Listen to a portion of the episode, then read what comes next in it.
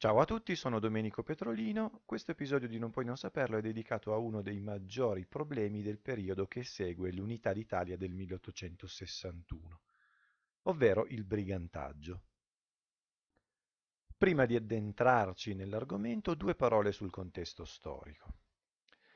Allora, in seguito alla sconfitta dei Borbonici nella seconda guerra d'indipendenza, e dell'esito favorevole all'unità della nazione dei plebisciti del 21 ottobre del 1860, può riunirsi a Torino, città che era già sede del Parlamento subalpino, il nuovo Parlamento, la cui prima seduta si tiene il 18 febbraio del 1861.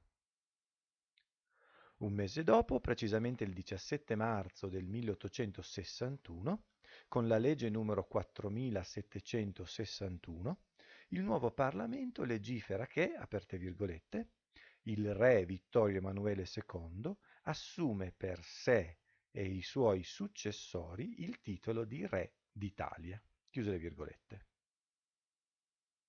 Per completare l'unità mancano ancora Veneto e Friuli, Roma, Trentino Alto Adige e Venezia Giulia. Per conquistare Veneto e Friuli, nel 1866 il Regno d'Italia dichiara guerra all'Austria, alleandosi con la Prussia in quella che verrà ricordata come la terza guerra di indipendenza. Gli italiani subiscono molte sconfitte, ma la vittoria finale della Prussia fa sì che il neonato Regno d'Italia entri in possesso del Veneto e di parte del Friuli Venezia Giulia. Per quanto riguarda Roma, Garibaldi e i suoi volontari cercano di conquistarla nel 1862 e nel 1867, ma vengono fermati in entrambi i casi, nel 1862 dallo stesso esercito italiano e nel 1867 da quello francese. Le truppe italiane riescono a entrare a Roma il 20 settembre del 1870 grazie alla famosa breccia di Porta Pia. Favoriti dalla caduta del secondo impero francese di Napoleone III, che aveva sostenuto e difeso lo Stato pontificio in quegli anni.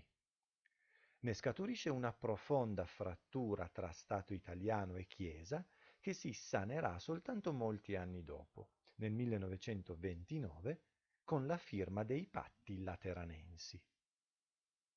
I maggiori problemi che si trova ad affrontare il neonato Stato italiano nel 1861 sono la standardizzazione delle leggi, la creazione di una moneta unica, la mancanza di risorse economiche a causa delle enormi spese belliche sostenute, la mancanza di infrastrutture, la povertà diffusa, l'analfabetismo, l'ostilità della Chiesa cattolica e del clero nei confronti del nuovo Stato e il brigantaggio nelle regioni meridionali.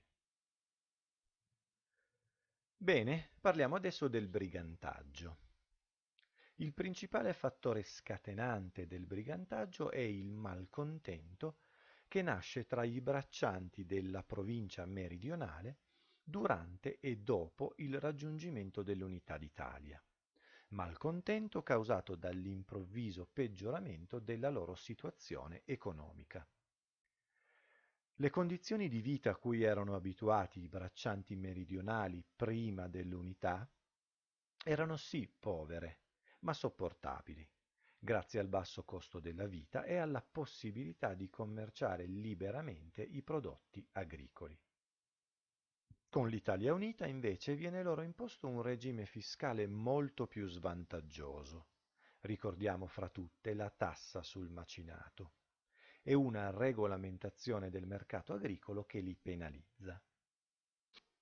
Altra ragione che spinge alla rivolta i contadini è la privatizzazione delle terre demaniali, a vantaggio dei vecchi e nuovi proprietari terrieri che in questo modo ampliano legalmente i loro possedimenti in cambio della fedeltà al nuovo governo.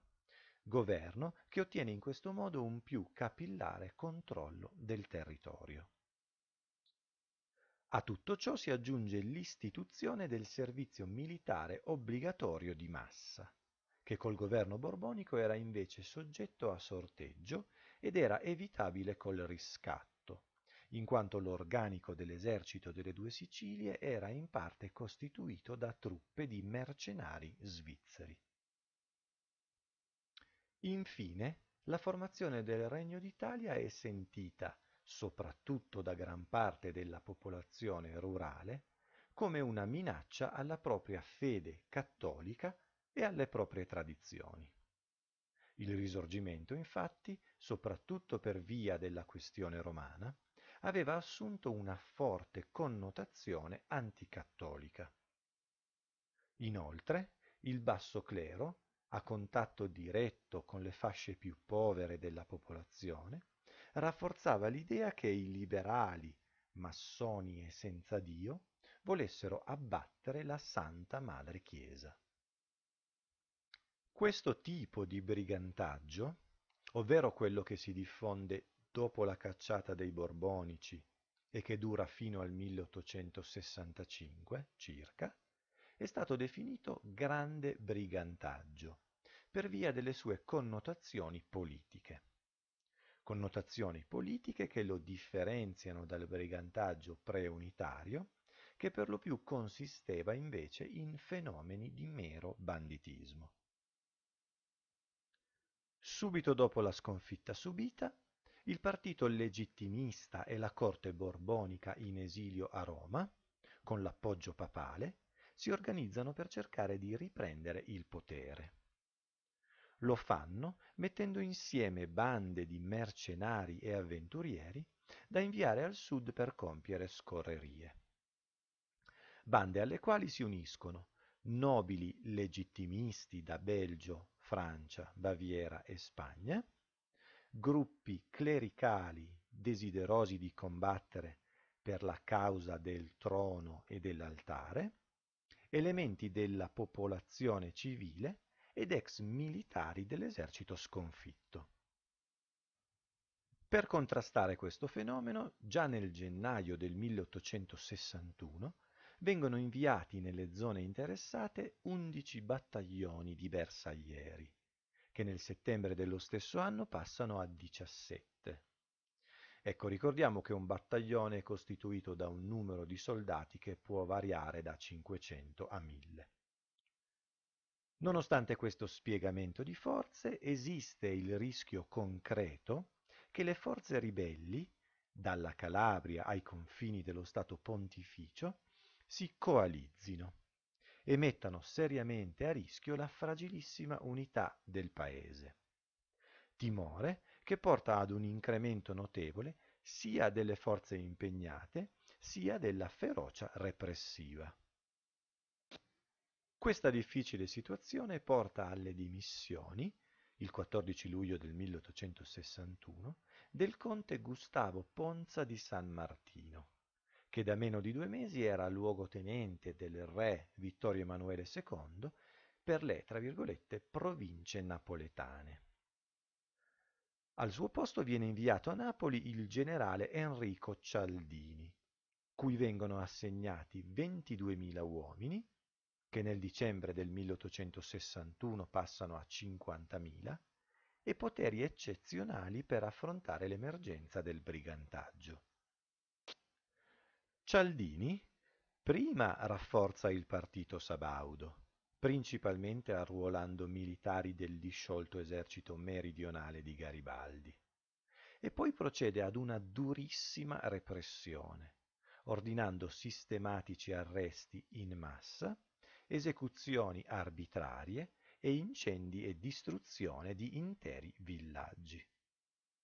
I suoi metodi provocano l'indignazione della stampa estera, e sconcertano anche il governo di Torino, che sospende Cialdini dal suo incarico nel settembre del 1861 e lo sostituisce con il generale Alfonso La Marmora. Durante un dibattito svoltosi alla Camera il 2 dicembre del 1861, il deputato calabrese Benedetto Musolino accusa la Francia e Napoleone III di favorire e guidare il brigantaggio, per impedire che l'Italia si consolidi. Il 7 dicembre dello stesso anno il quotidiano L'Operaio di Napoli sostiene che la polizia francese a Roma non solo non reprime, ma anzi favorisce il brigantaggio, fingendo di arruolare belgi e francesi come volontari per servizio della Santa Sede, per poi arruolarli nelle file dei borbonici, dopo aver dato loro divisa e armi. Per cercare di combattere più efficacemente questo fenomeno, vengono aumentate le taglie sulle teste dei maggiori esponenti del brigantaggio e con la legge Pica del 15 agosto del 1863 viene introdotto l'istituto del domicilio coatto. Detto anche confino, si tratta di una misura preventiva che prevede l'allontanamento dal proprio luogo di residenza delle persone sospettate di attività contro, tra virgolette, la sicurezza pubblica e l'ordine nazionale. Chiuse le virgolette. Si tratta di una legge speciale per la cui applicazione non sono necessari un processo o una condanna, ma è sufficiente il semplice sospetto. Questo provvedimento finisce per colpire indiscriminatamente non soltanto i presunti e veri briganti, ma anche i loro parenti o chiunque sia sospettato di collaborazionismo. La legge Pica rimane in vigore fino al 31 dicembre del 1865. La pratica del confino viene successivamente ripresa nel periodo fascista. Negli anni tra il 1862 e il 1864 le truppe dedicate alla repressione vengono aumentate fino a 105.000 soldati, quasi la metà delle forze armate italiane del tempo. Il generale Emilio Pallavicini, favorendo la pratica del pentitismo tra i briganti, riesce in quegli anni ad eliminare le maggiori bande, raggiungendo così l'obiettivo strategico principale della lotta contro il brigantaggio, che era quello di evitare una possibile sollevazione generale e militarmente coordinata dei guerriglieri delle province meridionali. Alla fine del brigantaggio contribuisce anche il cessare dell'appoggio da parte dello Stato Pontificio. Se per i primi anni infatti lo Stato Pontificio era stato terra di rifugio e di asilo per i briganti che sconfinavano dalle regioni meridionali, negli anni successivi la presenza diffusa di bande di briganti sul territorio della Chiesa inizia a causare seri problemi di criminalità. Pur continuando a ritenere il brigantaggio, aperte virgolette, una tra le miserande conseguenze dell'usurpazione violenta del reame di Napoli, chiuse le virgolette, lo Stato Pontificio approva norme molto severe contro il fenomeno. Norme che prevedono, ad esempio, taglie per la consegna di briganti, vivi o morti, lunghi periodi di incarcerazione per chi ostacolasse la lotta al brigantaggio, allontanamento dalla provincia di dimora dei familiari dei briganti, divieto di muoversi in campagna portando con sé un eccesso di viveri e di indumenti, chiusura di osterie e distruzione di capanne che potessero servire come rifugio ai briganti. Nel 1867 Francesco II delle Due Sicilie, vista l'impossibilità di ottenere risultati politici, scioglie il governo borbonico in esilio.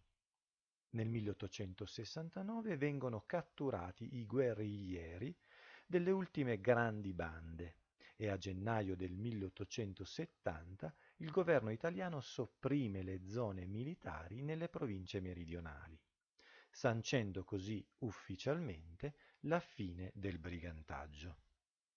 Le violenze non si placano del tutto, ma perdono la loro connotazione politica ritornando così ad essere fenomeni di mero banditismo.